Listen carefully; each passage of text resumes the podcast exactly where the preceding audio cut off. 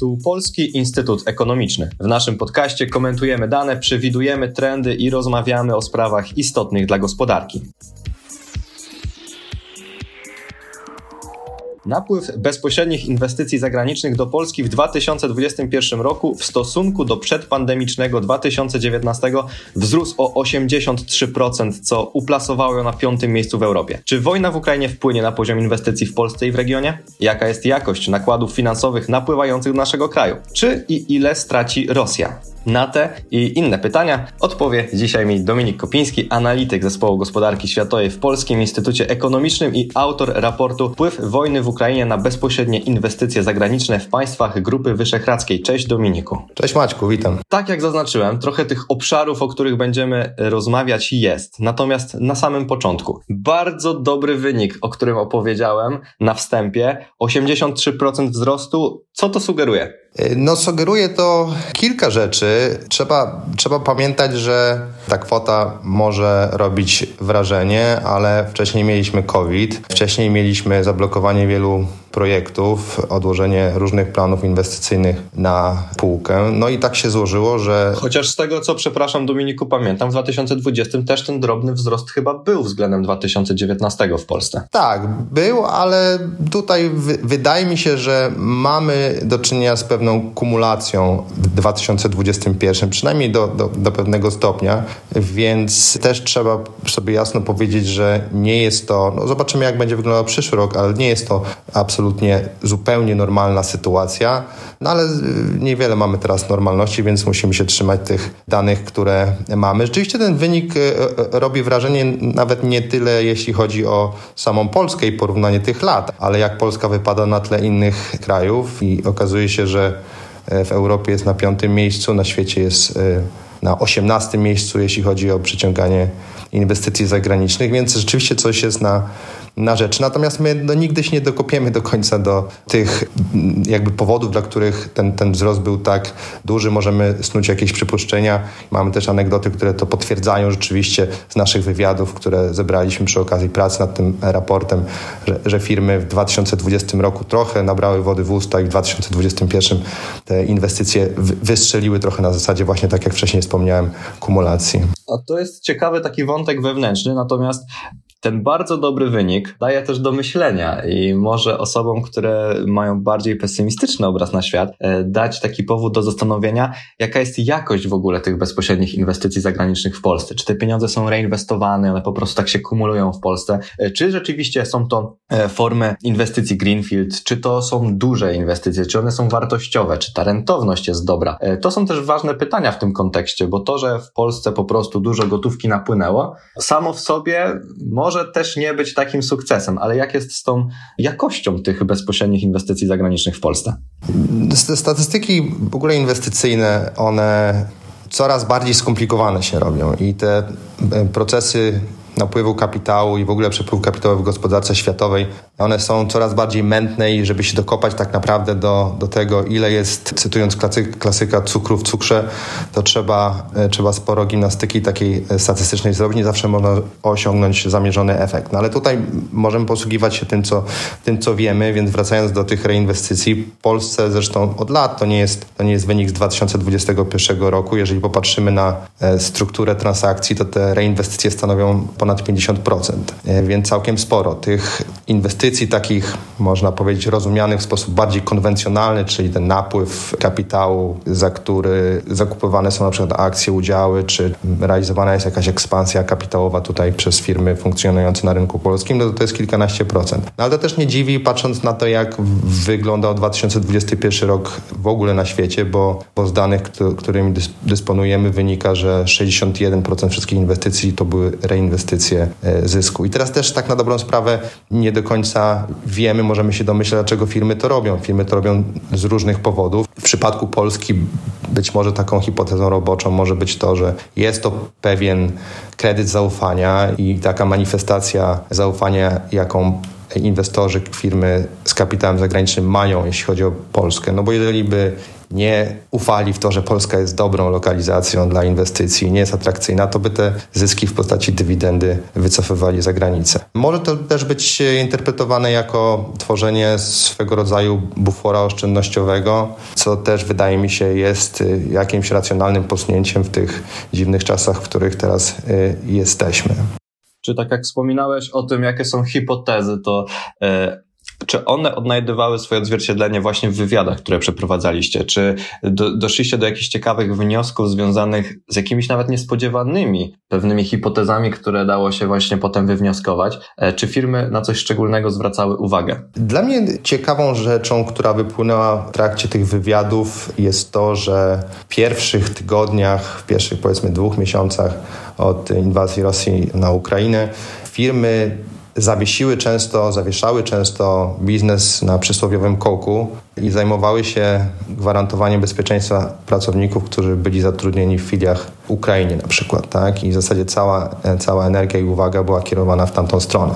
Więc to też trochę się wymykało tym nawet pytaniom, które zadawaliśmy, bo nie podejrzewaliśmy, że tak bardzo zaangażowane były, były te firmy fun funkcjonujące w Polsce e, właśnie e, jeśli chodzi o e, ratowanie de facto własnych pracowników. Więc więc to była jedna z tych ciekawostek, która nam e, podczas wywiadów wyszła. Druga kwestia dotyczyła między innymi gwarancji bezpieczeństwa, które są w Polsce, jeśli chodzi o obecność e, wojsk NATO, ale także pewne bezpieczeństwo, które wynika z obecności w strukturach unijnych.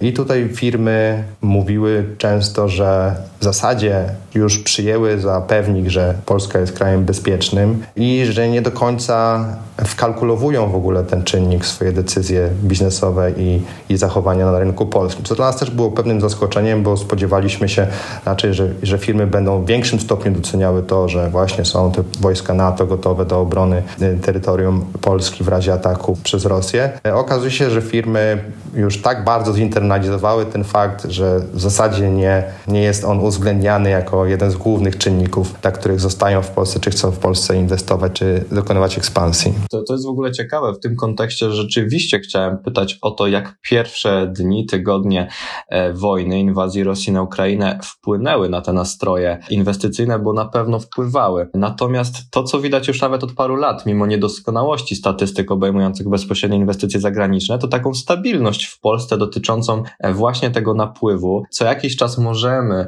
mówić o sukcesach, o tym, ile gotówki napłynęło, ile inwestycji działa. I ta sytuacja ma pewien swój trend i kontynuację tego trendu mimo ciężkich czasów. E, I tak samo, podobnie, e, ogólnie było w kontekście całej grupy wyszehradzkiej, którą też podejmujecie w raporcie, że mimo tego czasu wojennego zawirowania, no to jednak cały ten region, to o czym wspominałeś, był traktowany e, stosunkowo bezpiecznie. Czy rzeczywiście od razu tak było? Te firmy nawet nie pomyślały o tym, że coś się stanie dalej? Czy początkowe tygodnie były zupełnie inne. Tutaj trzeba wprowadzić takie jedno ważne rozróżnienie e, na wstępie na dwie grupy podmiotów. Jedne firmy to są te firmy, które są już na miejscu często od 20 lat i więcej. I to są firmy, które doskonale poruszają się tutaj w regionie, znają Polskę, rozumieją sytuację, okoliczności pewne. Zagrożenia są dla nich bardziej jasne. Poza tym one są na miejscu i one e, mają tutaj już sporo kapitału zainwestowanym, to nazywamy kosztami e, utopionymi.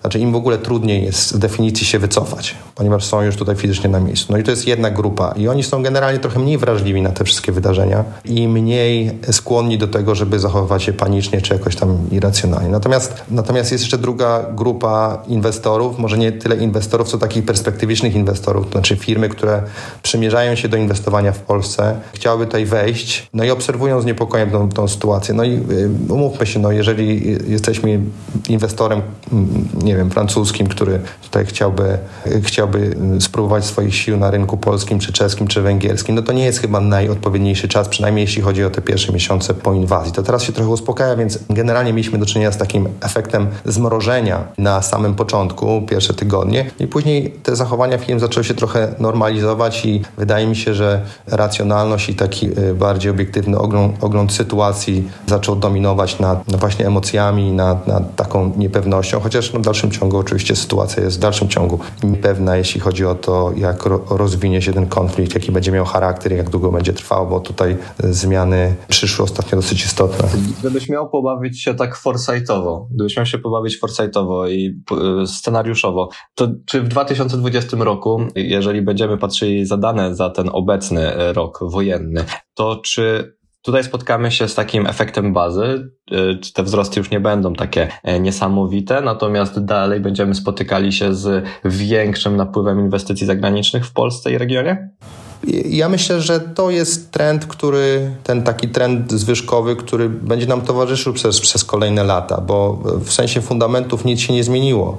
Gospodarki tego regionu dalej są atrakcyjne i ta atrakcyjność jest bezdyskusyjna. No, dalej mamy relatywnie niskie koszty pracy, rosnącą wydajność, dalej mamy zasoby wysoko wykwalifikowanej siły roboczej, stabilność biznesową, dobrą infrastrukturę, dobre skomunikowanie z rynkami zachodnimi. To są kwestie jakby strukturalne, które są przynależne do regionu, plus mamy wysoką, wysoką dynamikę wzrostu, plus mamy tą wysoką rentowność, o której wcześniej wspominałeś.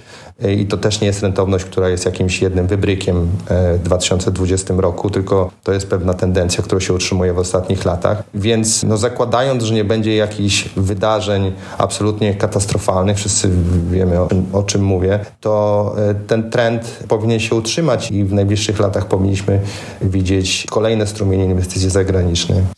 A czy, czy, czy trend chęci przenoszenia produkcji bliżej klienta, tak zwany nearshoring, czy lub do kraju pochodzenia inwestora, reshoring, backshoring, one też będą dalej obecne? One rozpoczęło się tak głośna debata po, e, w świecie popandemicznym, e, natomiast czy to dalej będzie się utrzymywało? No to jest dobre pytanie i ja chyba nie mam na to gotowej odpowiedzi z tego względu, że te hasła, one są bardzo nośne i dużo się o nich mówi i wiele firm deklaruje tego typu e, ruchy ale póki co też nie mamy wiele przykładów takich firm, które wracają albo właśnie na rynki kraju macierzystego, albo w okolice, prawda, domu, że tak się wyrażę.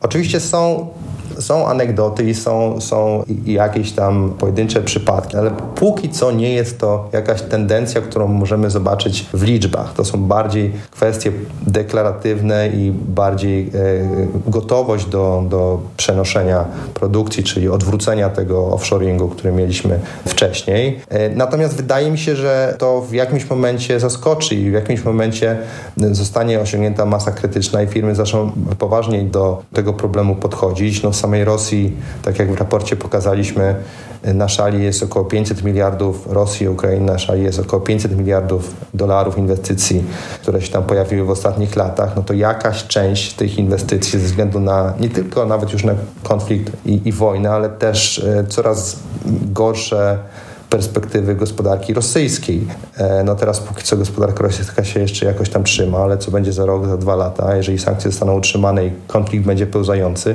to nie jest dobra lokalizacja do, inwest do inwestowania, do, do, do zarabiania pieniędzy. Więc w związku z tym, co wcześniej też powiedziałem, czyli też strukturalne przewagi polskich, e, polskiej gospodarki, gospodarek regionu, państw V4.